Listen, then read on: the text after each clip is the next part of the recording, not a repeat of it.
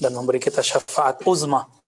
Bukan hanya syafaat yang kubro, tapi syafaat yang uzma yang hanya diberikan kepada ikhwani yang Nabi sebut saudara-saudaraku. Ya. Meskipun secara fisik kita tidak bertemu Rasulullah Sallallahu Alaihi Wasallam, antum yang cinta Nabi, suatu saat diberi mimpi ketemu Nabi. Bahkan lagi zikir, lagi jaga ketemu Rasulullah bisa. Kenapa? Penjelasannya nanti dalam ilmu gelombang otak. Nanti kita minta bantuan Pak Dokter di hari kapan ya Pak Dokter ya. Cerita bagaimana gelombang otak itu terjadi. Nah, insya Allah uh, beliau siap nih. Beliau ini dokter ahli gelombang otak, ya, neurologi. Nah, saya ketemu dulu yang ahli itu juga dokter Hardiman, ada almarhum. Nah, dulu pernah ikut uh, suluk bersama kita bareng-bareng ke Sumatera Barat. Paling rajin kalau zikir. Paling rajin zikir almarhum udah meninggal. Ya. Dokter ahli zahir, ahli batin beliau meninggal, guru kita yang di Sumatera nanya, ini si Anu udah pergi ya? Hubungan apa itu? Kalau bukan hubungan rohani. Ya, Alhamdulillah Rabbil Alamin. Teman-teman, kita ditanya, selain kitab Syekh Saleh Fauzan yang kemarin, kitab mana yang dipakai di pesantren-pesantren yang perlu kita perbaiki? Ini kan kitab tidak ada yang suci, yang suci hanya Allah. Ya, Sepakat nggak? Yang suci hanya kitabullah. Boleh nggak saya mengkritisi kitab selain kitab Allah. Buku, buku Syekh siapa, boleh nggak? Antum mengkritisi saya juga boleh, nggak apa-apa kok. Kita kan kritisi juga nggak bilang ente sesat, Syekh Solan kafir, kita nggak ngomong gitu kok. Kita cuma ngomong, muskilah ini. Apa yang diajarkan ini bisa meracuni konsep tauhid para santri kita, teman-teman kita. Dan antum melihat nanti ke depan. Ini sudah mulai. Nah ini terima kasih salah satu sahabat kita yang mau disamarkan namanya. memberikan kitab yang dulu dipelajari waktu di pesantren. ya eh, Ini saya menyebutkan ini bukan benci. Saya cinta dengan, dan saya paling cinta dengan pesantren-pesantren Indonesia. Karena mereka basicnya mengajarkan al sunnah wal jamaah. Tapi kok di tengah jalan berubah. Ya, kalau antum ketemu dan nanti dengan pendahulu antum, itu gimana cara jawabnya itu? Ya, Kan dia nanya nanti, kok kitab yang saya ajarkan antum ganti? Gimana hisabnya ntar di akhirat? Itu yang harus jangan kemudian kita yang ditakut-takuti pakai hisab. Kita mah tiap hari takut di hisab Allah. Ya enggak? Nah, ini ada kitab judulnya Tauhid kalau di pesantren ya. Teman-teman. Ini udah ditandai nama sahibul kitab nih. Syukuran ya. Jadi Syekh Salih Fauzan itu membagi tawasul kepada beberapa hal. Tawassul, tawassul masyru, ada tawassul mamnu, ada dua. Tawassul yang disyariatkan. Wah, lumayan kan? Lumayan. Dia boleh bilang tawassul yang dibolehkan. Oke. Okay. Ada tawassul yang mamnu, yang dilarang. Tawassul yang dilarang itu, ini halaman 93 ya. Halaman 93 di kitab Tauhid. Di kelas berapa? Kelas 5 biasanya. Ini teman-teman saya banyak yang ngajar di, di bahkan uh, pemimpin pimpinan ya kita sampaikan juga ini nasihat bagi diri kita sendiri dan buat teman-teman kita dan santri-santri kita nanti teman-teman kita generasi berikut ya.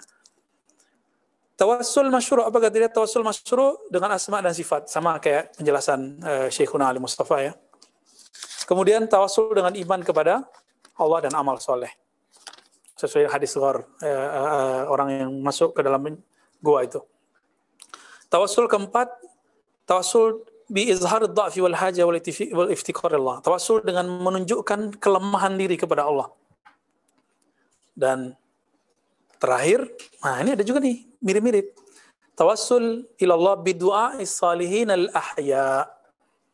Tawassul dengan orang soleh, doanya orang soleh yang hidup. Sebenarnya ada tambahannya, hadir, dia hadir.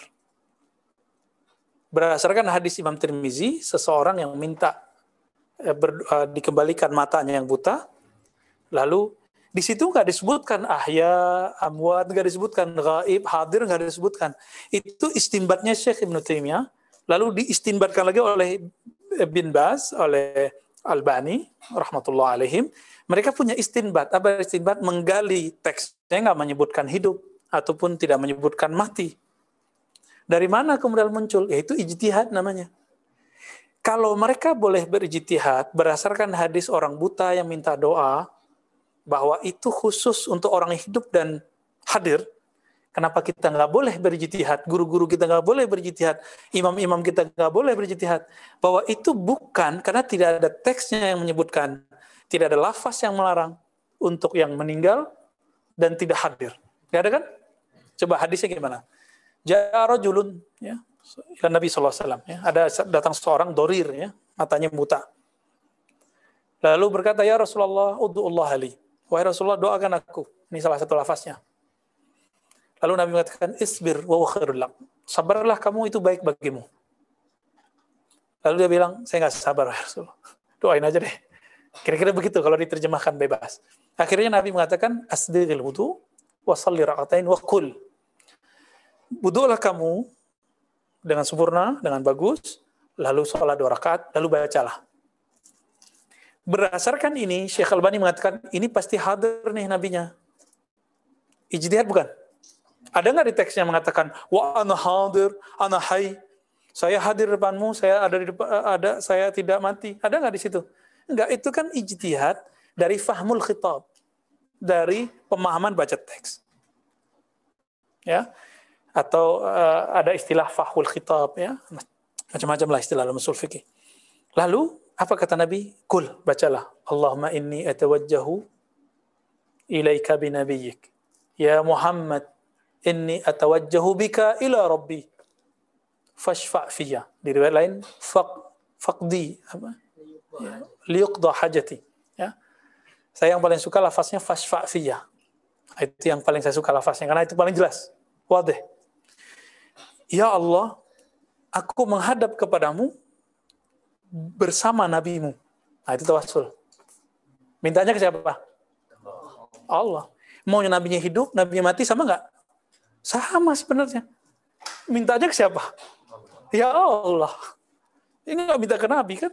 Tuh, lurus nggak nih akidahnya Sufi, akidahnya Ash'ari. Ya, maturity, nggak ada masalah. Lalu dipanggil, ya Muhammad. Nah, di satu riwayat cuma Muhammad tanpa pakai ya. Barangkali Syekh Al-Bani beranggapan itu hidup karena ada ya-nya. Tapi kayaknya dalam tasih-tasihnya itu nggak pakai ya Muhammad. Ya. Muhammad. Ya inni atawassalu ini atawajjahu bika ila rabbi. Aku aku datang bersamamu kepada Allah Subhanahu wa taala, maka berilah aku syafaat. Benar nggak kalimat hidup dan mati di situ? Itu semua istinbat, hasil ijtihad, hasil penggalian. Bisa saja orang sepakat, bisa tidak. Masalahnya antum ijtihad, imam antum ijtihad, terus dianggap itu paling benar. Itu kesalahan fatal seharusnya kita buka bahwa ada ulama yang menganggap bahwa kalau orangnya hidup hadir boleh, tapi satu ulama lagi mengatakan hidup tidak hidup sama, hadir tidak hadir sama. Karena Nabi Muhammad SAW menurut antum Nabi Muhammad mati nggak? Makanya Umar mau bunuh orang yang bilang Nabi mati kan? Karena bagi Umar beliau kasyaf, beliau kasyaf. Allah buka mata hatinya dan beliau tidak melihat Nabi mati. Beliau masih hidup di dalam dirinya, dalam hatinya. Beliau masih melihat Nabi seakan-akan masih jalan dalam eh, dalam hari-hariannya. Ya, Sayyidina Umar Al-Faruq. Nah, tawasul yang keenam, tawasul dengan i'tiraf bidzanbi. Mengaku dosa. Ya, ini mah bukan tawasul, ini tobat, ya. ya. Lalu ada tawasul yang dilarang. Jadi bagi dia ada enam tawasul yang boleh. Ini dia. Ada tawasul yang dilarang. Pertama, ya, tawasul bitolabid doa minal amwat dengan meminta doa kepada orang mati. Meminta doa kepada orang mati. Gimana caranya tuh? Minta doa. Di mana syiriknya? minta syafaat ke Nabi sama dengan minta doa nggak? Nabi mati nggak? Tuhannya tanya doa, Nabi mati nggak? secara fisik iya, tapi secara rohani nggak ada orang mengatakan Nabi mati. Eh? Ya, jadi jangan lagi ngomong Nabi mati. Kalau mau nggak halus sedikit wafat gitu ya. Karena wafat itu nggak mesti mati mananya. eh, eh, kisah Sayyidina Aisyah, ini mutawaffika. Bukan berarti meninggal. Artinya malah menyempurnakan. Taib. Bagi dia, kita bertabaruk ke kubur itu dianggap meminta ke orang mati. Enggak. Kita enggak minta juga kok. Hmm. Yajuz al mayyit la yaqdir ala du'a. Apa kata dia? Ini tidak boleh minta doa ke orang mati nggak boleh karena orang mati la yaqdir tidak sanggup berdoa. Benar nggak? Benar nggak? Emang dia pernah mati? Dia kan nggak tahu alam gaib. Kenapa ngomong alam gaib? Ini bahaya loh. Membicarakan alam gaib yang dia tidak pernah masuk ke dalamnya. Ini sudah rajman bil gaib namanya. Ngakar-ngakar, nebak-nebak alam gaib. Katanya nggak boleh ngomong begini. Giliran kita ngomong alam gaib, dikata-katain. Halu. Kok dia boleh gitu? Gimana? Orang dalam kubur masih doa nggak? Bisa dong nggak doa? Bisa. Dalilnya ada. Ketika Nabi Shallallahu Alaihi Wasallam di Isra akan Nabi melihat Sayyidina Musa sedang sholat. Sholat itu artinya apa? Doa. Itu dalilnya rot ala Syekh Saleh Fauzan. Ya, kritik terhadap Syekh Saleh Fauzan. Kita nggak bilang dia kafir, nggak. Kita kritik aja karena karena kalau dia menganggap ini kitab ilmiah harus siap dikritisi dong. Ya, salah satu ciri kitab ilmiah siap dikritisi. Al-Quran bukan kitab ilmiah. Lalu kitab apa Al-Quran? Al-Wahyu minallah. Maka nggak boleh dikritik. Gitu. Hadis bisa dikritik. Kenapa? Dia riwayat yang dikritik riwayatnya bukan nabinya sallallahu alaihi wasallam ya kama ala eh, kama kana yaqdir alaihi fil haya. Dia nggak sanggup. Kalau udah meninggal sebagaimana dulu sanggup waktu mati berarti dia menggantungkan kudrohnya manusia pada fisik. Inilah terjebak pada pemahaman materialis jisminya ini bahayanya ya. Wa talabu syafa'a min al-amwat la yajuzu li anna Umar radhiyallahu ta'ala anhu wa Muawiyah bin Nabi Sufyan. Ini salah cetaknya pakai so sin Sufyan radhiyallahu ta'ala anhuma wa man bi hadratihim min as-sahaba wa tabi'in lahum bi ihsanin lamma ajdabu astasku wa tawassalu wa istashfa'u biman kana hayyan kal Abbas wa Yazid bin al-Aswad radhiyallahu ta'ala anhuma wa lam yatawassalu wa lam yastashfa'u istashfa yastashfi'u ya walam yastasku bin Nabi sallallahu alaihi wasallam la inda qabrihi wala inda ghairihi. Ini kan satu riwayat. Riwayat Imam Bukhari bahwa Nabi meninggal, wafat. Lalu Umar mengalami paceklik. Umar datang ke siapa? Sayyidina Abbas. Karena beliau mirip dengan Rasulullah SAW. Jadi memandang beliau kayaknya hadir Rasulullah. Perasaannya Umar. Kira-kira begitu ya. Maka beliau bertawasul dengan Sayyidina Abbas. Ini aneh mau tanya. Apakah orang yang hidup mampu memberi syafaat, memberi faedah? Ayo. Yang mengatakan iya, untuk musyrik. Bagi kita, mau hidup atau mati sama. Maka jika dia berpisah tubuhnya dengan dengan ruhnya, itu sama kemampuannya. Bahkan orang yang meninggal, kalau dalam kitab tasawuf, itu tasarrufnya para aulia di alam kubur itu lebih cepat karena mereka nggak nggak mikirin makan tiga kali sehari, nggak mikirin anak bini, udah nggak mikirin, nggak mikirin krisis, nggak mikirin covid kan, udah langsung deh, gitu. Nah, dia menganggapnya kalau orang mati yang terbayang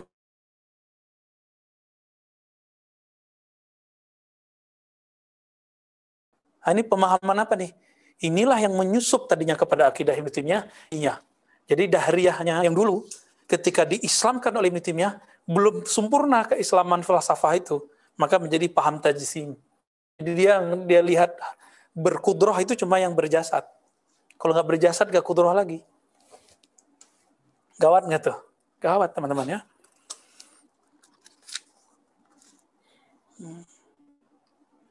Nah, disebutkanlah riwayat itu bukankah di riwayat Tabarani ya bahwa Utsman ibn uh, Hunayf ya Utsman bin Hunayf itu datang ke kubur Nabi. Utsman bin Hunayf eh, mengatakan bahwa ada seseorang yang buta datang ke Utsman minta doa persis seperti orang buta dulu. Dicuekin mau Utsman. datang uh, akhirnya dicolek lah sama Utsman bin Hunayf. Sini sini. Saya ajarkan kamu doa yang dulu diajarkan Nabi ke orang buta. Nabinya sudah meninggal. Bagi kita riwayat ini hasan. Tapi bagi mereka karena beda dengan faham mereka dicarilah kesalahan riwayat ini dan kemudian dijadikan ini baif.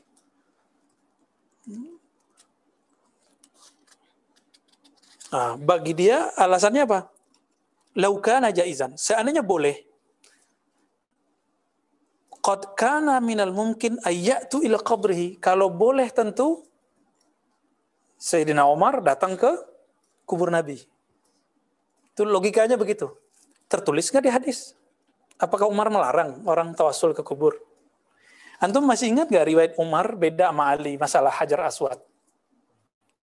Umar mengatakan apa? La tanfa wa la tadur. Eh, jar. Eh, batu hitam. Kamu itu tidak bisa beri manfaat, tidak bisa beri mudarat.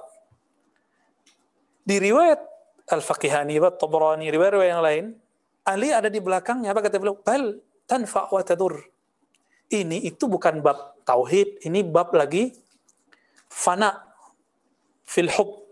Fana fit tauhid inda sufi, bukan tauhid inda teolog ya. Bukan tauhid versi Ali Kalam, tapi tauhid cinta. Sayyidina Umar tidak memandang segala sesuatu kecuali hanya Allah. Sedangkan Ali melihat bahwa di segala alam semesta ini ada nama Allah, ada kudrah Allah di situ. Maka Sayyidina Ali mengatakan, justru ini manfaat. Bahkan ada hadis di Nasai, Hajar Aswad itu bisa memberi syafaat kan nanti di hari kiamat. Karena itu batu surga. Antum mau pakai yang mana? Pakai kaul Umar atau kaul Ali? Walaupun Umar itu muhaddatsin, tapi dalam hal ini al-haq ma'asidin Ali. Ya, karena di riwayat Nasai ada hadisnya sahih bahwa Hajar Aswad itu minal jannah dari surga dan dia akan mengenali siapa aja yang nanti yang menciumnya yang istilah kepadanya. Mengenal itu batu loh. Batu itu mulia, itu karena Nabi Muhammad Sallallahu Alaihi Wasallam. Lebih mulia batu itu Nabi Muhammad. Kalau batu bisa kasih syafaat, apalagi Nabi Muhammad Sallallahu Alaihi Wasallam. Logikanya begitu dong, ya. Sayyidatuna Aisyah sebelum wafat pesan rambut Nabi yang saya simpan tolong ditaruh di kain kafan. Karena beliau meyakini rambut Nabi ada ada syafaat walaupun sudah meninggal pindah alam. Taib, ya. Nah, apakah yang kedua katanya? Yang tidak boleh tawasul kata Syekh Saleh Fauzan, ghafarallahu lahu. Semoga Allah mengampuninya. Ya. Masih hidup. Ya, beliau masih hidup. Kita nggak akan bilang Allah yahdik, ya nggak perlu. Semoga Allah memberi hidayah, nggak perlu kita berdoa semoga Allah memberi hidayah aku. Kita semua, amin. Tawassul bijahin Nabi sallallahu alaihi wasallam atau bijahi ghairih. Tawassul dengan tuahnya Nabi, kemuliaannya Nabi dan kemuliaan orang-orang lain yang soleh. Ya. Apa katanya? Hukmuhu la yajuz. Hukumnya tidak boleh. Li'annahu dalilun wa huwa ibadatun wal ibadatu la tasbut illa bidalilin sahihin sarih. Kenapa? Karena tidak sah mengenai tawasul dengan tuahnya Nabi, kemuliaannya Nabi atau selain Nabi, satu dalil pun. Padahal ibadah mesti ditetapkan dengan dalil yang sahih dan sahih. Penetapan dalil itu ijtihad bukan? Ini sahih nggak sahih? Itu dari Nabi atau dari setelah Nabi? Imam Bukhari bilang sahih. Itu dari Nabi atau dari Bukhari? Bisa benar, bisa salah. Buktinya Imam Daruqutni mengkritisi Imam Bukhari benar nggak? Ada kritik Imam Daruqutni terhadap Sahih Bukhari. Padahal Daruqutni penghafal Sahih Bukhari. Karena dihafal, dia bisa ngritisi. Antum udah nggak hafal, sok-sok ikut Bukhari lagi. Ya, sama kayak aneh juga sok-sokan.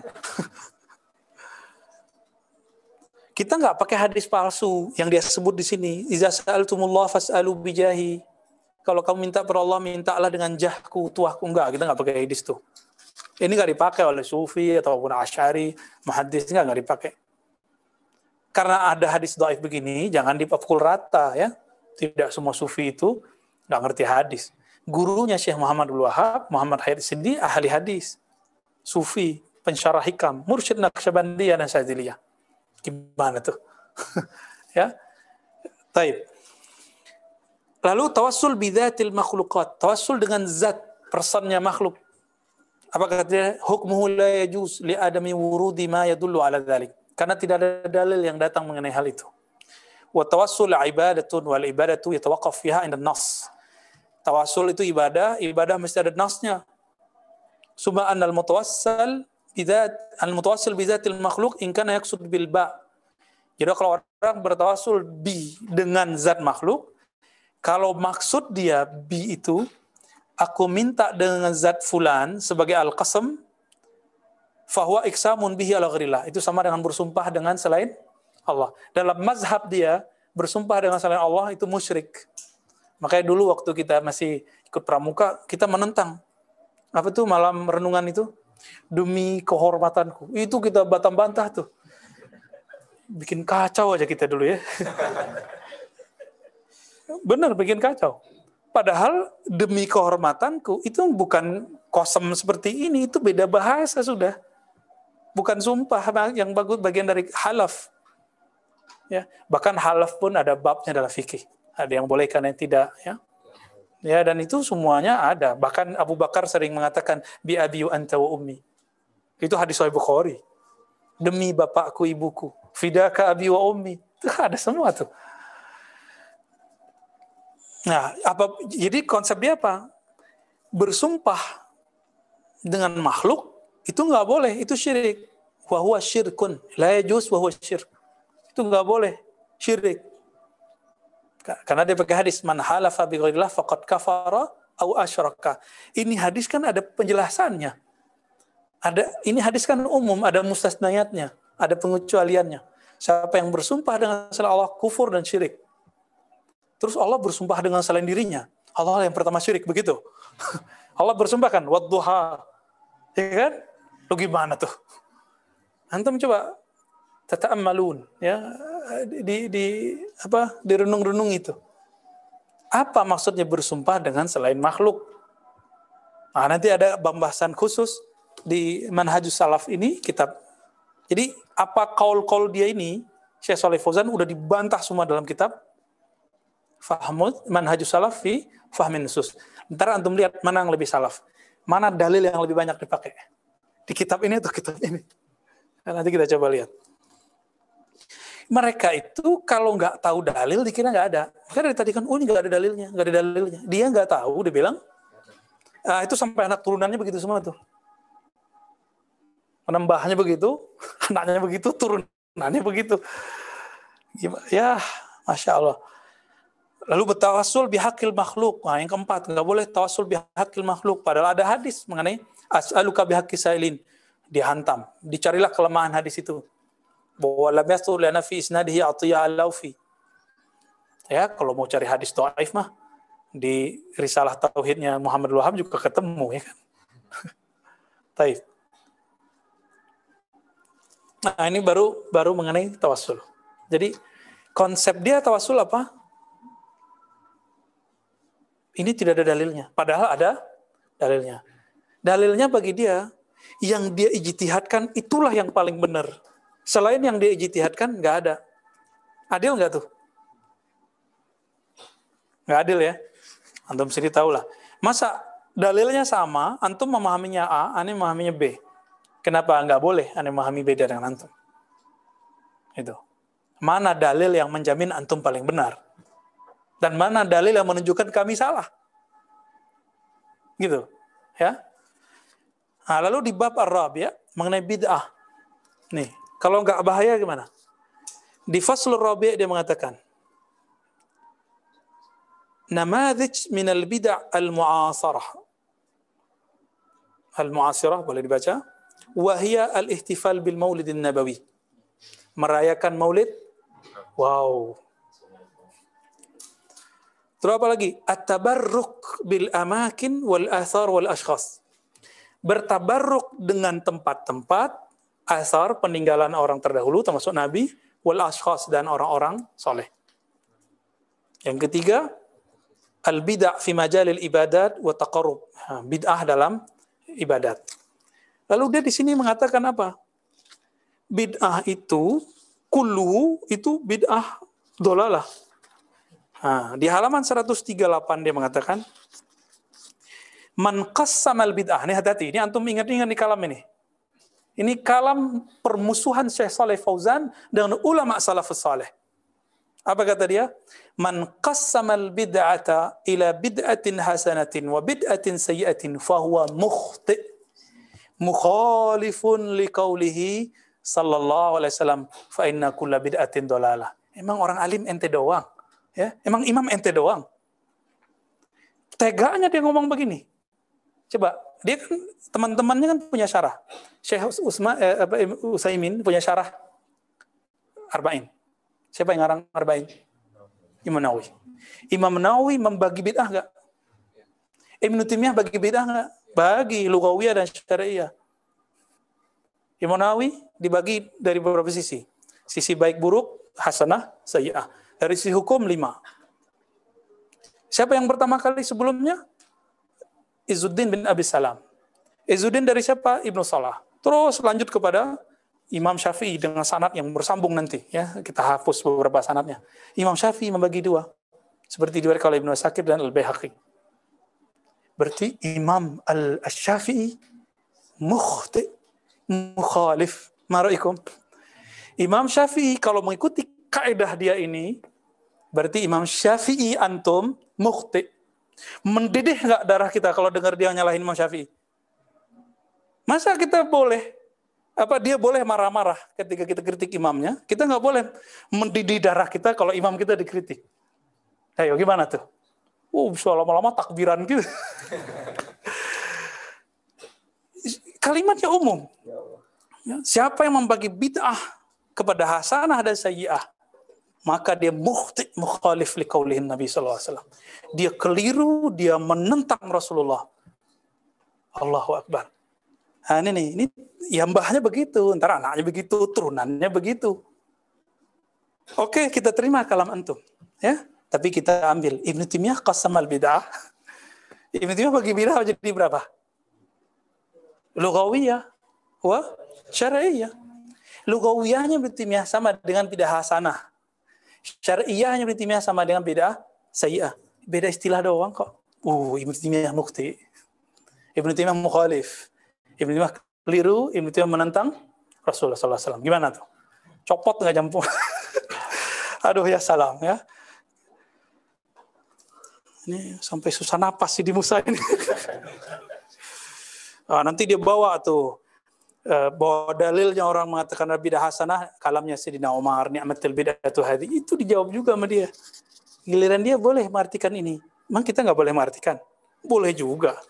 Ya, Katanya jitihad terbuka. Kita nggak boleh taklid. Kenapa antum taklid ke Syekh Saleh Fauzan? Kalau kami mengatakan ijtihad masih dibuka, diterima nggak? Kira-kira begitu ya. Senyumin aja Sidi Musa. Nah, lalu dikatakan di sini tadi apa? Bid'ah ihtifal. Apa kata dia ini? Bahaya nih teman-teman. Coba antum lihat. Halaman 150. 150 dari kitab tauhid yang dipakai di pesantren modern. Ya. Ini nasihat buat diri saya sendiri dan kita. Para kiai, saya bukan ingin menyinggung antum. Tapi saya ingin berpikir baik. Ayo sama-sama kita lihat. Anak-anak kita loh bahaya ntar. Ya. Coba kalimatnya apa? Al-ihtifal bi munasabatil maulid nabawi وهو تشبه بالنصارى في عمل ما يسمى بالاحتفال بمولد المسيح fikrahnya nyambung nggak? Apa kata beliau?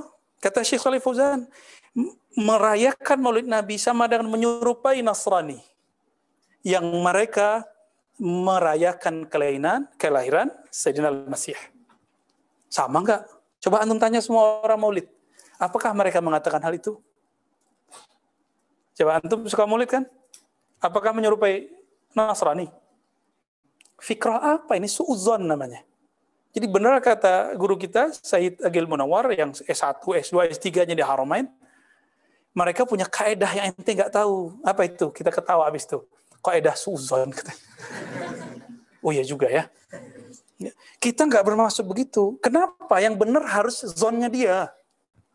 Kenapa dia nggak nanya dulu sama kita? Bener gak maksud ente begitu? Di mananya mirip orang maulid Nabi dengan orang Natalan? Mirip gak? Beda kok. sama-sama nyanyi. Ya nyanyiannya sama nggak? Kalau cuma sama-sama nyanyi, orang Yahudi juga baca nyanyi kok, Taurat dinyanyiin. Ya. Fayahtafilu, ah, coba lihat.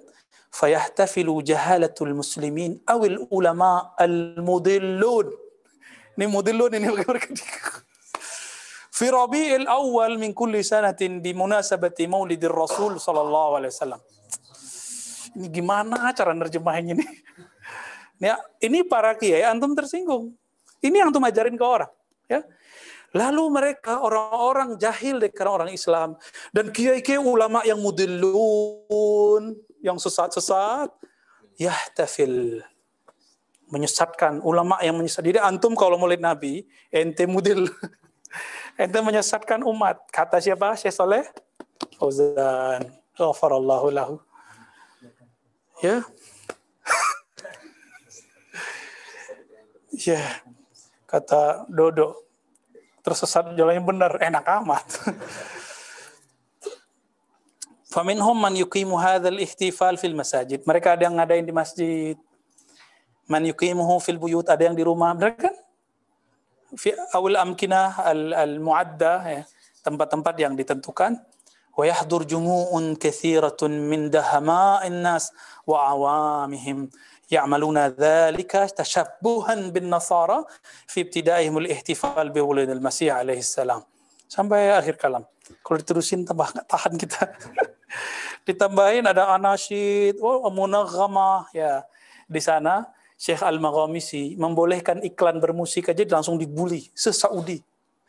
Ada Imam Masjidil Haram mengatakan ada kaul yang menghalalkan musik langsung dipecat dari Masjid Imam Masjidil Haram. Belum lama ini beberapa tahun yang lalu. Begitu. Jadi mereka ya jauh lah ya. Lalu apa kata dia? Innahu bid'atun li'annahu la asla lahu fil kitab wa sunnah wa amali salafis salih wal qurunil mufaddalah. Selalu dibawa kurun mufaddalah ya. Ini bid'ah tidak ada asalnya dalam kitab dan sunnah, tidak diamalkan salafus soleh dan kurun-kurun yang mulia. Bla bla bla bla. Lalu dituduh. Ah, nih, tuduhan berikutnya paling menyakitkan. Ahdathahul abidiyun al-batiniyun al-muttasimuna bil fatimiyin. Yang ngadain itu kelompok batiniyah. Di mana? Dulu di Mesir. Dinasti Fatimiyin, keturunan Abid, eh, yang aku keturunan Sayyidina Al-Husain, padahal bohong ya. Loh kok ke mereka? Kita punya imam sendiri kita punya Malik sendiri, Sultan Al-Muzaffar, ya, Salahuddin Al-Ayubi. Dua orang ini yang kita tiru. Kita nggak ada urusan nama yang Fatimiyah, ya. Nggak ada urusan kita sama mereka. Suzon nggak nih? Suzon. Hah, udah udah panas. Syukuran, syukuran. Allahumma salli ala Sayyidina Muhammad. Allahumma salli. Mendidih ya darah kita. menaik ke atas, jangan tunggu duduk. ya memang begitu kalau bahas bab kalam, bab jidal ya. Ya kita menghindari itu sebenarnya. Cuma karena mereka mendesak mulu, mendesak mulu, mana, mana, ya kita tunjukin deh ya. Kemarin kita tunjukin satu kitab, ah ini kitab yang lain. Next kita tunjukin tujuh kitab yang lain. Mungkin bulan depan lah ya, biar nggak jantungan Sidi Musa. ya, Oh taib, ah, Sidi Musa udah kangen ini. Iya, Allahumma sholli ala Ayo salawat sama-sama dulu, salawat. Uh, salawat apa Faiz? Yang enak lah, terserah lah Faiz. Betul. Biar dibilang bid'ah masih soleh ya.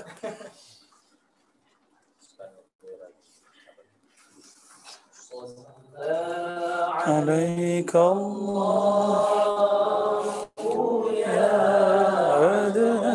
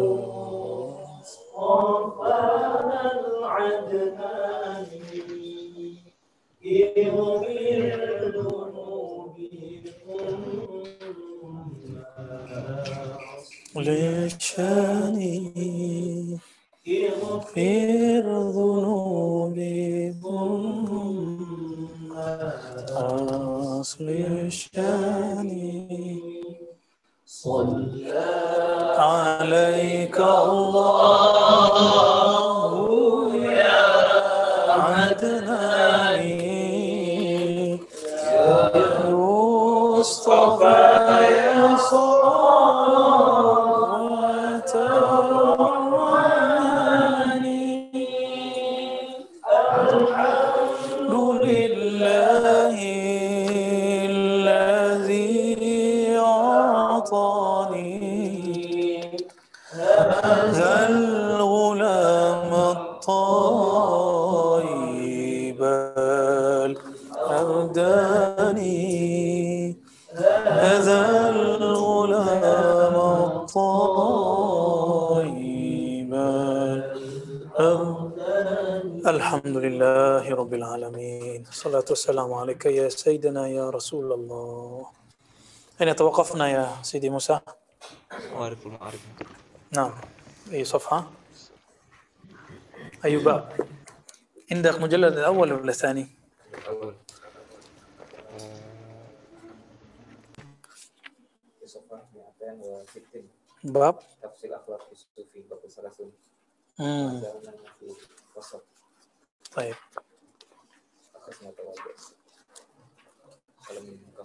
آه طيب طيب. سورة الآن تواضع.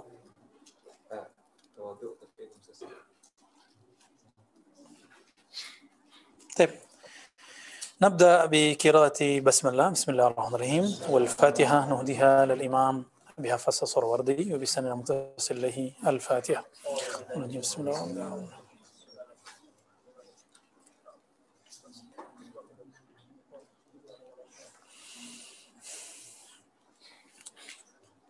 itu yang apa ada ayu ayu faqara Raitu Syekhana kali ya. Ya, faqarah mengenai Eh,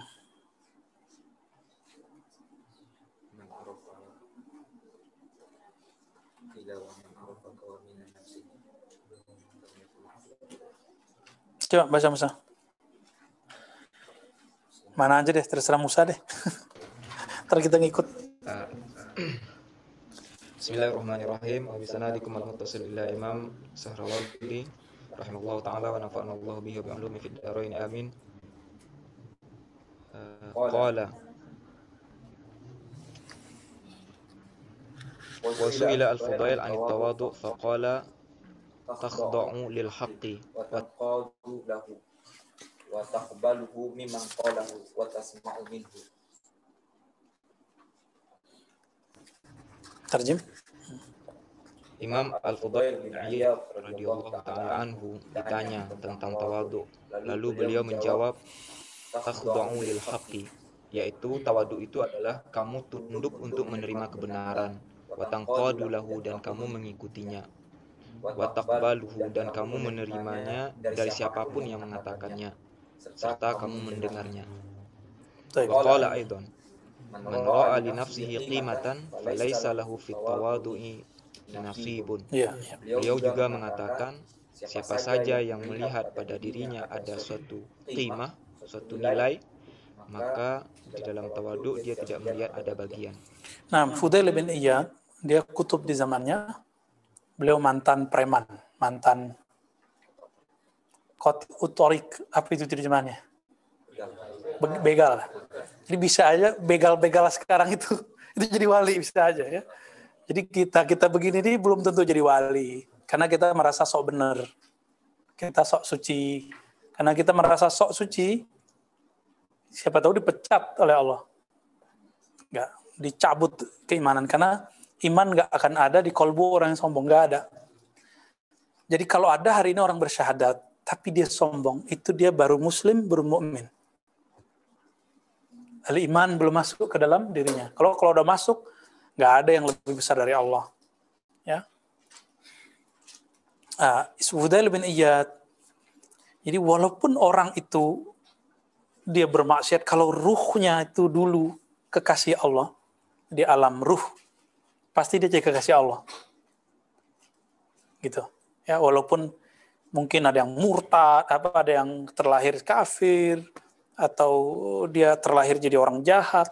Kalau ruhnya emang asli, ruh yang arwah al arwah junudun, hadis itu khusus hanya untuk bani ruh. Masih ingat kemarin? Ada bani anwar, bani cahaya, ada bani ruh arwah.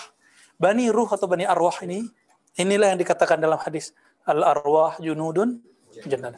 Ah, semoga kita masuk. Semoga antum yang datang jauh-jauh ini eh, itu termasuk orang yang mujannadah, yang tersusun berbaris, berhalaqah, masuk ke sana. Dulu ruh-ruh itu mencari Nur Muhammad sallallahu alaihi wasallam. Yang dulu mengatakan basyahidna, yang pertama mengatakan kami menyaksikan engkau ya Allah. Itu Nur Muhammad yang bicara. Siapa yang mengatakan ini? Gak usah jauh-jauh. Imam Ibnu Katsir. Jadi ini bukan cerita Nur Muhammad, bukan cerita khayalan. Itu ilmiah dan zauqiyah. Jadi ada yang udah sampai ke alam sana. Ilmiahnya, ya lihat tuh. Imam Ibnu Katsir, rahmatullah alaih, murid Ibnu Taimiyah, kawan dari Ibnu Qayyim. Nah, masih kurang lagi. Bahkan Ibnu Qayyim, dia bercerita hal-hal yang sangat sulit dipercaya kalau ada sekarang orang yang ngaku ikut Ibnu Qayyim ngomong begitu, imamnya ngomong begitu. Pertemuan ruh antara yang meninggal dengan yang hidup. Itu membantah kaul-kaul yang tadi kita baca semua. Bahwa orang yang hidup, orang yang mati itu masih punya tasarruf. Masih punya aktivitas dengan izin Allah tentunya bukan dengan izin dirinya. Ya. Uh, di sini Sayyidina Fudail bin Iyad ya beliau karena pernah bermaksiat. Nah, ini ini ini kabar gembira buat antum, buat saya, buat kita semua yang pernah bermaksiat. Pernah maksiat nggak? Ya sering malah, sering. jujur amat. Ya, emang kita harus jujur emang. Tiap hari kita maksiat, tiap hari kita dosa. Tapi jangan diceritakan. Cukup kita simpan, kita kadukan hanya kepada Allah.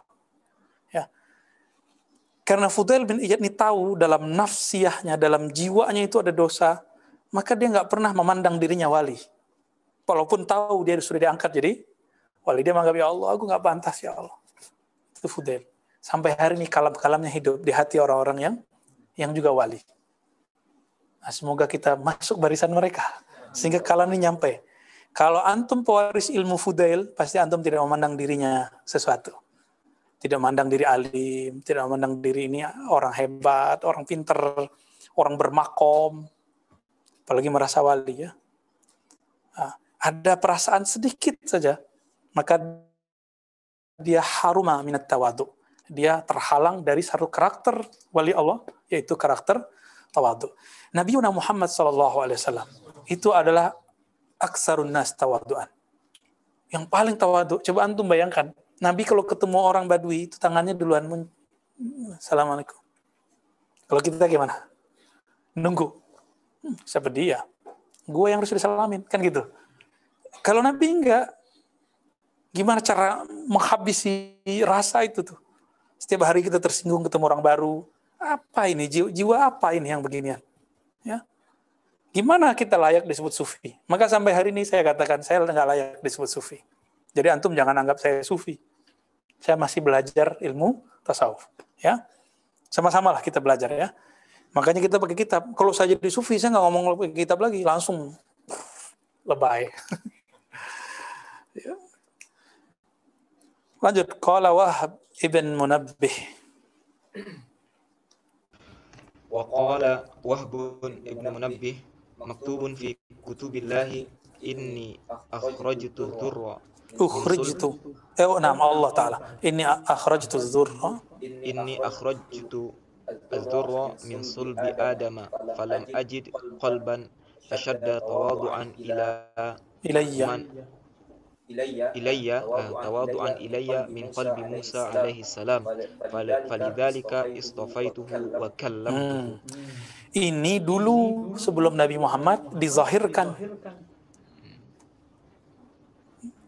Jadi Wahab bin Munabih ini ahlul kitab yang masuk Islam.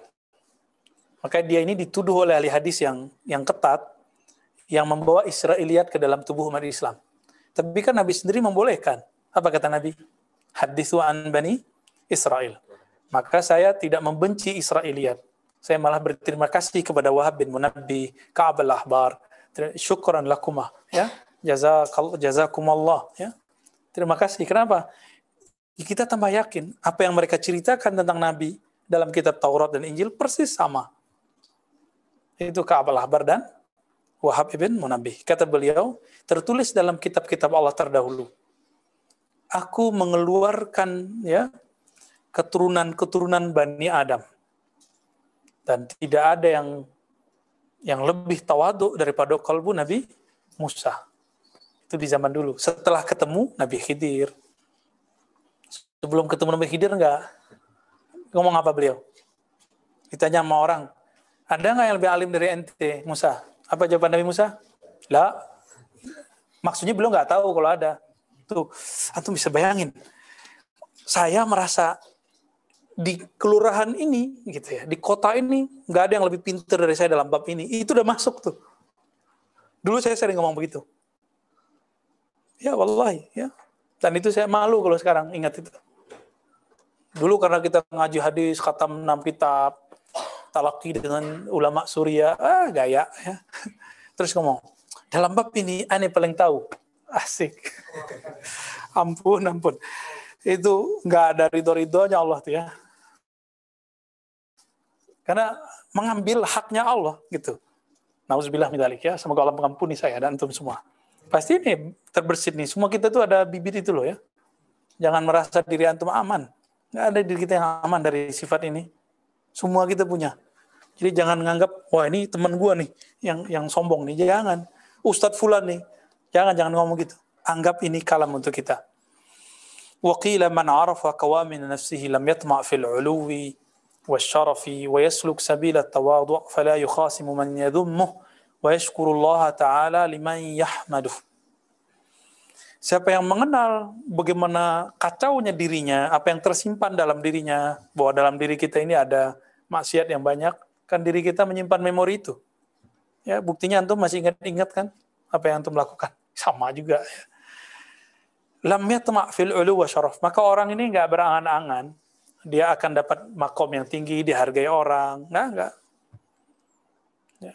Wa yasluk sabila tawadu. Maka orang ini suluknya adalah suluk tawadu fala yukhasimu man yadhummuh maka dia tidak akan memusuhi siapa yang memu- yang mencacinya tapi kalau dikritik boleh balas nggak tapi kalau kita dicaci boleh balas mencaci nggak enggak jadi kita kalau merot mengkritisi kita berusaha untuk tidak mencaci Nah, jangan bilang eh, kalam-kalam yang fadhi ya ente dihisap nanti di kiamat. Jangan ngomong gitulah. Eh, ente ajalun nas belagu, ente sosok. Gak nggak usah ngomong gitu. Ya, kalam-kalam itu nggak usah dikeluarkan. Itu kalam-kalam syaitani, bahimiyah, sibaiyah itu. Ya. Kalau kita masih menggunakan kosakata itu tuduh dalam diri, oh berarti dalam diriku masih ada binatang ternak ini, binatang buas ini. Hmm. Baik. Waqala Abu Hafs. Ya. Wa yashkurullah liman yahmadu. Kalau dipuji orang, bukan merasa GR, tapi memulangkannya kepada Allah. Ya. Qala Abu Hafsin, nah, pengarang kitab ini. Jadi eh, eh, kitab ini kan diimla. Supaya tidak bercampur kola kola kola, maka harus dikatakan kola si pengarang. Kola Abu Ya, lanjut. وقال أبو حفص آه، من أحب أن يتواضع قلبه فليصحب falyashab. فليصحب الصالحين ولي- وليلتزم بحرمتهم فمن شدة تواضعهم في أنفسهم يقتدي بهم ولا يتكبر Ya. Imam Abu Hafaz Sahrawardi mengatakan, siapa yang ingin untuk menjadi orang yang bertawadu kalbunya, maka hendaklah dia berteman, berguru kepada orang-orang soleh, dan hendaklah dia komitmen untuk menghormati mereka. Maka di antara kesulitan dalam tawadu pada mereka, di dalam diri tawadu'ihim. dan di antara kedahsatan tawadu mereka di dalam diri mereka, maka Yuktada bih. maka Ditiru. itu layak untuk ditiru dan tidak untuk ditakut sombong. Ya. Wa qala Luqman likulli syai'in matiyya wa matiyatul amal at-tawadhu. Setiap satu itu ada cara melipatnya. Jadi biar amal kita dilipat gandakan Allah, apa cara pintasnya? Tawadhu. Itulah sebabnya kenapa kalau membuka sholat mulainya dari Allahu Akbar. Kalau udah Allahu Akbar kita masih merasa ada nggak? Diri kita ini eksis nggak? Seharusnya tidak. Saat itulah amal kita dianggap ada berlipat langsung. Sholat orang beginilah lebih afdol dari seribu sholat orang yang yang yang yang jahil tidak mengerti. Wa nuri khamsatu anfusin azul khalqi fid dunya. Ada lima jiwa, lima karakter orang yang paling unik az, azu paling unik di dunia. Berarti dia permata. Aziz kan salah satunya yang maha unik ya. Seperti hadis aziz hadis yang unik. Rawinya cuma dua. Ya. Berarti orang ini dunia paling cuma satu atau dua orang. Di satu tem- tempat cuma satu atau dua orang. Termasuk di tempat ini paling cuma satu dua orang. Dan itu mungkin bukan yang duduk di sini mungkin yang duduk di bawah. Ya. Alimun zahid. Orang alim yang kalbunya tidak nyantol di dunia. Alimun zahid. Susah loh ya.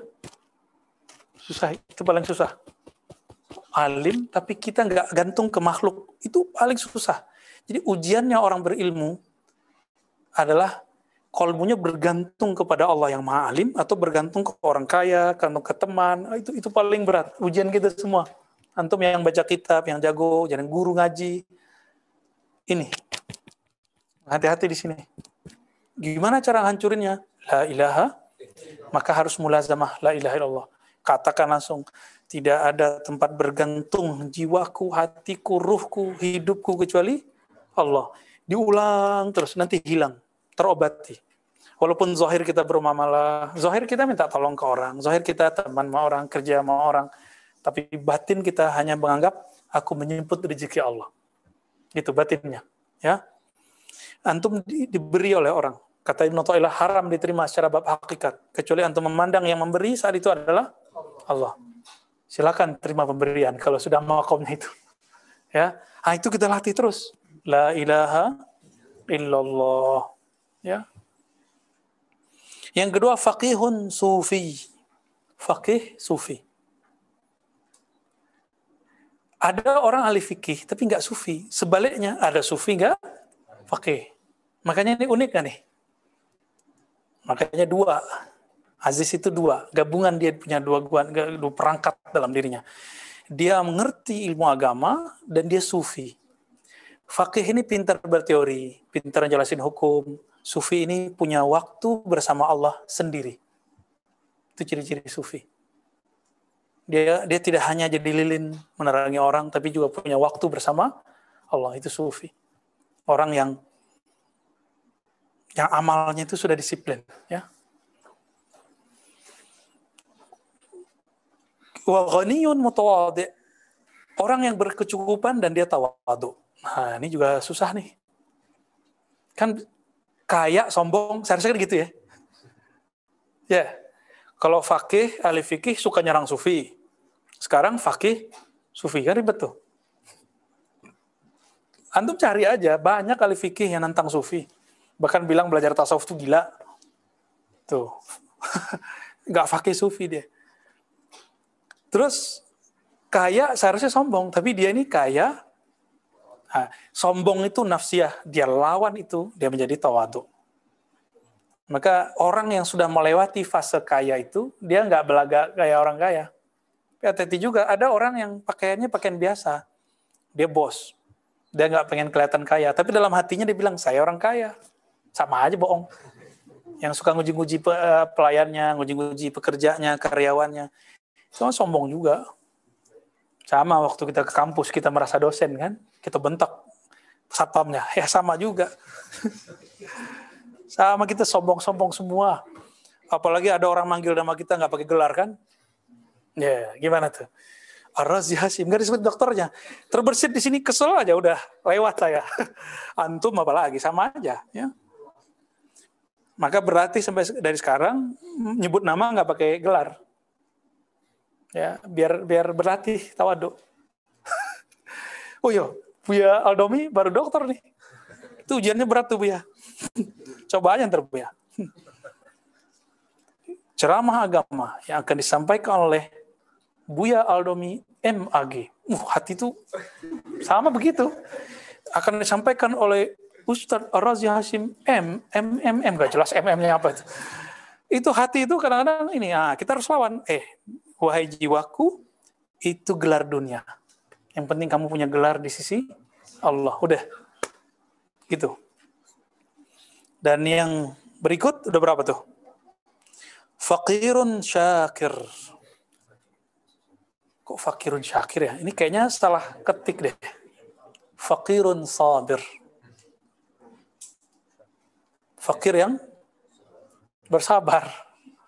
Tapi bisa juga sih ya fakir masih bisa bersyukur. Hebat juga dia. Ini beda nuskah sebenarnya. Beberapa naskah membuat munasabahnya fakirun, fakir yang sabir. Kalau goni yang syakir. Yang terakhir syarifun sunni. Zuriat Rasul, tapi dia sunni. Di zaman beliau susah. Karena di Baghdad dulu itu pusatnya ahlu sunnah, juga pusatnya orang syiah. Sampai hari ini. Sekarang Irak jadi negeri syiah loh. Ya.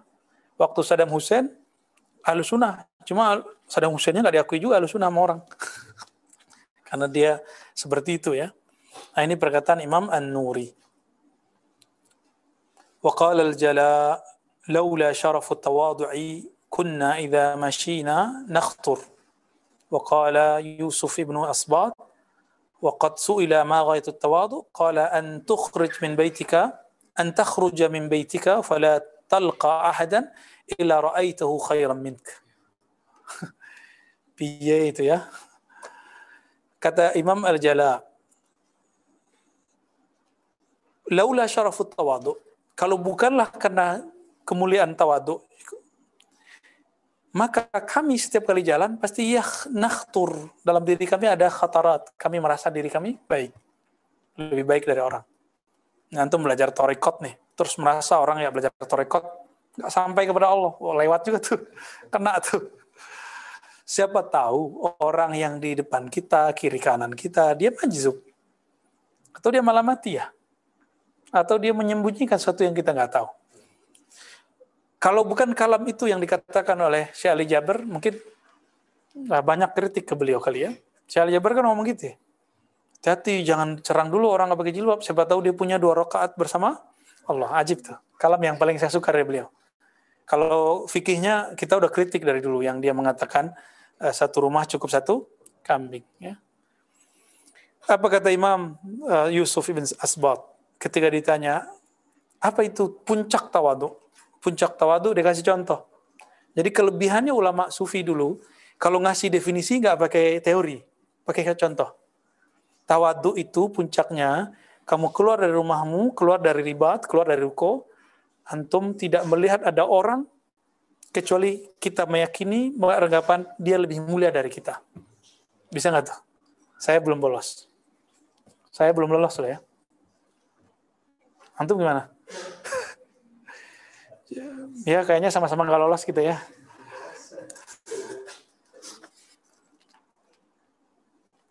Wah ini banyak ini. Banyak ini Musa. Gak selesai-selesai ini Musa.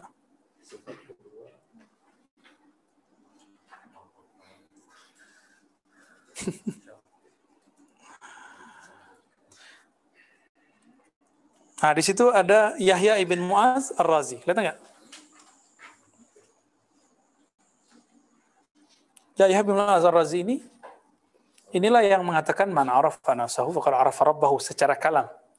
Tapi dia berkalam ini secara hakiki itu dari Nabi sallallahu alaihi maka bagi ahli rohani man arafa nafsahu faqad arafa rabbahu walaupun itu bukan hadis secara ilmu sanad tapi secara rohani itu bersumber dari nur Nabi Sallallahu Alaihi Wasallam.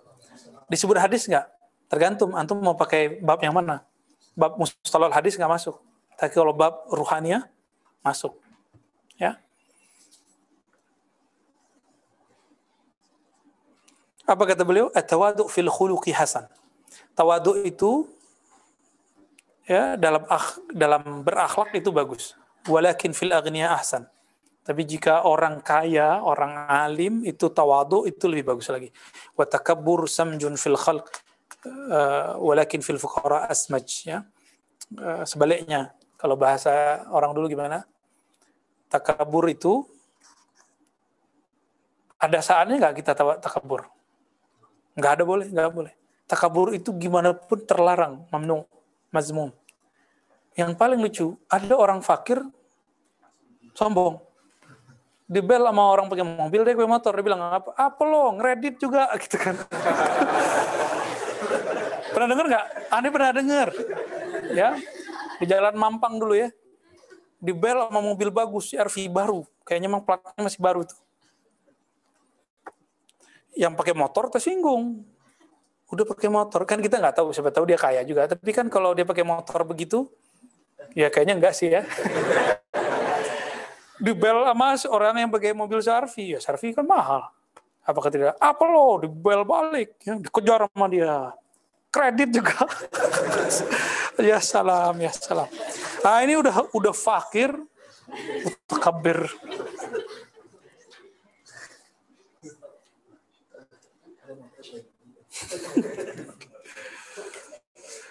Allahu Akbar. Oke, tafadhol. Ada soal jawab? Halas? Alhamdulillah. Di sini ada yang mau soal jawab? Ya, fadal. Eh, salim alaik wa ala Ustaz Dr. Andi. Adi, ala Andi. Andi UNJ. Ah. Assalamualaikum warahmatullahi Selamat jadi pertanyaan. Masya Allah. Ya, fadal, fadal. Dulu anak pernah tahun 2001, 2006 Amerika di ketika di Bali. Hmm. Ketika itu dari kakak kelas di HMI waktu itu. Tuh ben orang HMI rajin wiridan juga nih. Nah, di wirid suruh jadi itu ketika di bekal dan ternyata memang terasa di apa di selapang. Jadi sholat itu menyatukannya plong gitu ya. Cuma karena ada juga teman yang itu jati nanti sakit. Hmm. Dia bisa gila karena dulu pernah juga di kampung anak. Apakah dia wali wali masjid tadi itu apa memang sudah benar? Jadi pernah dia seperti orang gila betul. Jadi Iya. macam kita kita ditanya dia waras gitu. Ditanya apa aja dia ngerti. Gitu, di kampung anak itu Mhm. pada di sholat itu. Hmm.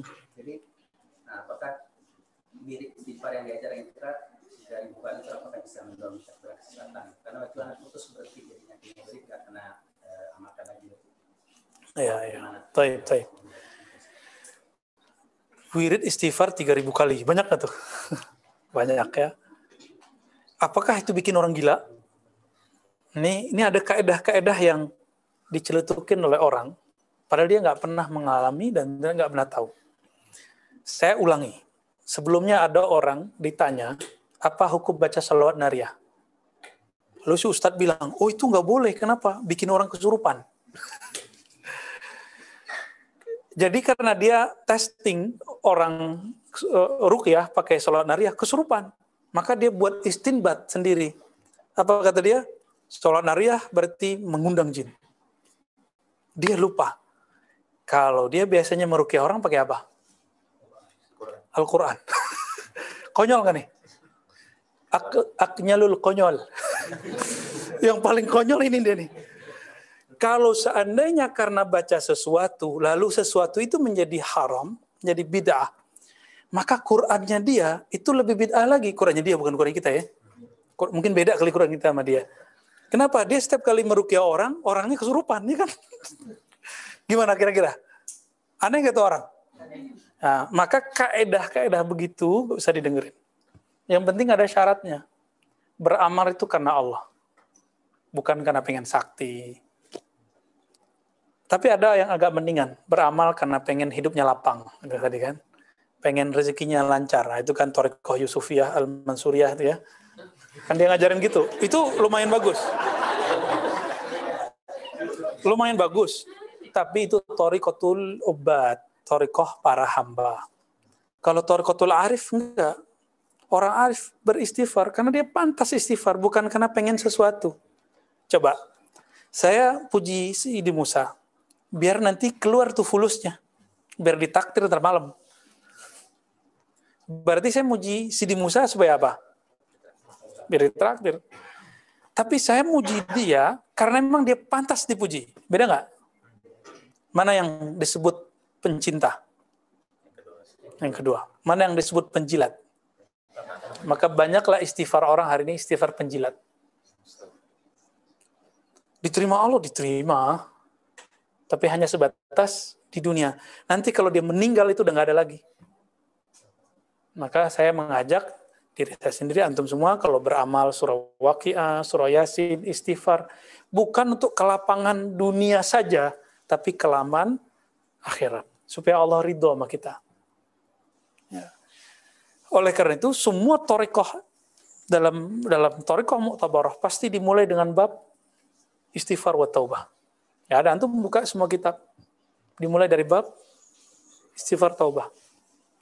Imam Kusyairi selesai bab tarajum ulama eh, lalu masuk ke bab taubah. Taubat semua. Karena sebelum orang berjalan dia pakai baju baru dulu. Sebelum dia suluk bersafar rohani, dia bersihkan dulu diri nifsiyahnya. Baru dia jalan kepada Allah Subhanahu wa taala. Jadi boleh nggak istighfar begitu? Buktinya sampai sekarang nggak gila-gila tuh. Iya kan?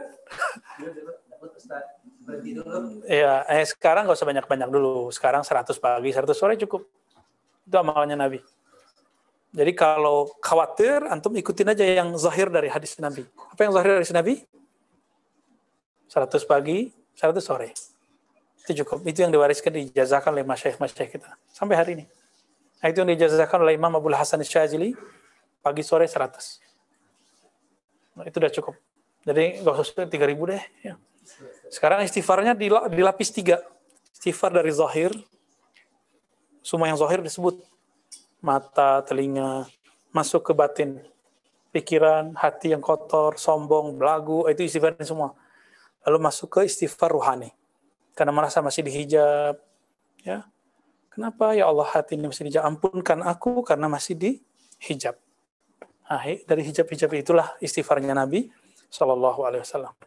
Jadi harus naik istighfarnya tiga level itu, satu paket. 30, 30, 30, ah 10-nya bebas. Ya, gitu cara istighfar yang yang menurut saya sunnah. Ya. Hmm. Loh, ini dari dunia mana nih?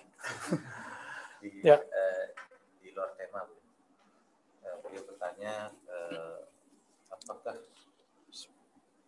umur Imam Mahdi ketika di bayat itu benar-benar 40 tahun atau 40 tahun itu eh, makna majas Hadis mengenai bayat Imam Mahdi umur 40 tahun kan tidak sampai derajat sahih. Nah, coba cek. Hadis mengenai Imam Mahdi kan yang sahih nggak banyak. Itu sudah dikumpul kalau Imam Suyuti lebih dari separuh daif. Ada di kitab Al-Hawi ya, ada satu risalah khusus mengenai Imam Mahdi. Jadi cerita Al-Mahdi, Dajjal, Al-Masih Isa, itu nggak banyak yang sahih. Terus gimana? Riwayat itu hanya sebagai panduan guidance dasar bahwa 40 itu angka matang. Tapi sebenarnya di kalangan ahlul badar itu beliau sudah dibayar umur 40 tahun. Sekarang umur berapa? Nggak tahu aneh. Pernah nggak tahu kali ya. Al-Imam Al-Mahdi, teman-teman, itu kan gelar. Apa arti Mahdi? Yang digaiden Allah dari dari dia baru lahir. Bahkan dari dalam perut ibunya sudah digaiden. Yang diberi hidayah. Itu Mahdi. Masih ingat ismuhu ka ismi. Ism di situ bukan nama fisik. Ism, masih ingat artinya? Tanda-tandanya, ketinggiannya, ketinggian ilmunya, sama dengan namaku. Sama dengan ismi, dengan ketinggianku, dengan tanda-tandaku. Jadi apa pun yang terjadi pada Nabi sebelum beliau nanti mendeklarasikan, coba lihat antum lihat. Nabi mendeklarasikan kerasulannya kapan? Umur 40. Oke. Okay? Tapi dakwahnya bis itu dakwah apa? Sirri? Sirri. Oke, okay, sirri. Lalu kapan beliau pindah? 50? Tiga. Umur 53, sahabat disuruh semua, udah semua berangkat, baru beliau berangkat. Kira-kira 53 itulah mulai dakwahnya jahri. Mungkin lewat muridnya, lewat pengikutnya. Eh, semoga kita bagian itu. Ya. Jadi dia belum dibayat di Mekah sekarang, belum. Nanti dibayatnya. Ketika Allah telah islah dirinya, kan hadis islah hadis sahih. Seandainya masih ada satu hari lagi, kiamat, Allah akan islah Al-Mahdi dalam semalam. Islah itu adalah mi'rajnya Al-Mahdi. Kalau Al-Mahdinya di, di, di islah, maka semua pengikutnya yang berdekatan dengan beliau itu diislah semua. Rohaninya jadi berubah. Kualitasnya lebih sempurna. Kalau sekarang mungkin mereka nyamar di Toriko Malamatia, di Toriko Jazba, sebagian di Toriko Sofia, sebagian nggak ketahuan di tiga itu. Nggak ketahuan kita. Ya, Tapi mereka ada. Masa gerakan dajjal aja ada?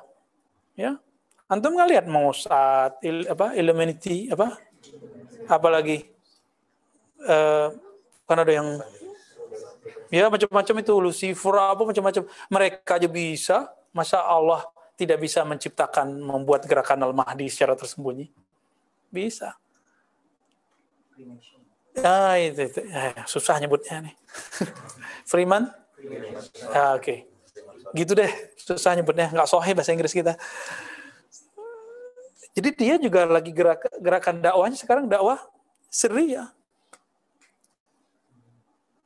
nanti kalau sudah diislah baru beliau nanti melakukan futuhat bertahap bertahap pindah ke Mekah. Di situlah ahlul badar membayat beliau itu tapi alamin hajin nubuah. Ini kata kunci. Jadi Rasulullah udah kasih kata kunci. Kenapa kita mau ke mana-mana cocok logi? Gak usah cocok logi. Alamin hajid nubuah. Nubuah itu diberi mauhibatun mutlak. Itu pemberian mutlak. Jadi nggak bisa diapa-apain. Saya nih punya pengikut 3M. Misal nih ya. M-nya M apa nih? Terus saya mengatakan, eh, antum ngangkat, ayo dong, tat, ente jadi al-mahdi aja. Nggak bisa. Sekarang penduduk dunia berapa? 7 miliar. 7 miliar bayat saya mahdi. Saya bukan mahdi. Paham? Karena al-mahdi mauhibatun mutlaqah min Allah. Itu mutlak Allah yang pilih. Dan bayangkan, munculnya kok di Makkah, kota yang banyak berhalanya. 313 juga jumlah setannya yang disembahkan itu iblis itu lata uzza manata itu nama iblis semua Dan nama-nama iblis ini disembah oleh mereka dalam bentuk rupa. Jadi ada yang ada yang datang kepada mereka lalu dirupakan. Itu kan masih hidup tuh iblisnya. Nanti jangan dikira mati loh iblisnya. Ah, siapa namanya tadi? Lata. Oh, serem lah itu. Uza itu jenderal-jenderal bintang 4 tuh. Kalau mereka turun, waduh, tambah banyak orang ngaku Mahdi palsu, tambah banyak orang ngaku, aduh macam-macam, tambah banyak yang aneh-aneh. Dan mirip-mirip gitu. Rada-rada, oh kayaknya Mahdi deh. Nah, hati-hati di sini. Nah, ini yang mau saya jelaskan tadi, yang dulu pernah kita jelaskan, bahwa Azazil iblis turun kepada para nabi. Lalu dia punya jenderal-jenderal ring satu di bawahnya, yang punya ilmu ma'rifat untuk mengelabui calon-calon wali nih biar menjadi wali setan, bukan menjadi wali wali Allah. Mau dikirim, dibisik-bisikin. Maka salah satu torikoh al-mahdi nanti, itu diberi Allah kemampuan berkomunikasi, masuk mampu bisa membedakan ini ilham, ini was-was, ini dari setan, ini dari Allah, ini dari mereka. Ini mereka bisa. Itu ciri khasnya Al-Mahdi itu. Al-Mahdiun ya, pengikutnya nanti. Kenapa? Karena nanti serangannya sudah zahir dan batin. Mana ada di dunia pandemi sebesar ini? Dalam sejarah umat manusia ada nggak? Jadi ini unik ini teman-teman. Ini sudah mulai perang ini. Walaupun secara ilmiah dibuat di lab gitu ya. Tapi kan Allah semua yang izin. Jadi udah nikmati aja. Nah, kabar baik plus kabar buruk. Mahdi itu keluar kapan? Idza muliat al-ardu jauran. Kalau bumi sudah dipenuhi dengan jauran, apa jauran? Zulm, kezaliman. Di mana-mana, di semua lini, semua negara, semua tempat.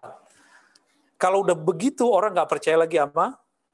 Nah, ini muncul ketidakpercayaan kepada pemimpin. Maka batas-batas negara itu semuanya bayangan. Sekarang masih belum bayangan kan? Belum kan? Karena Mahdi nggak bakal merontak. Seperti Nabi nggak pernah memberontak ke ahli Mekah, malah mengalah. Coba untuk melihat. Al-Mahdi, eh, eh Nabi SAW mengalah dari orang Mekah, orang kampungnya. Jadi amar ma'rufnya Nabi kelihatan. Lebih rahmahnya lebih utama daripada bil ghadabnya. Mundur. Bangun kekuatan, baru perang. Perang badar baru perang Uhud, baru perang terus-terus kondak dan selanjutnya.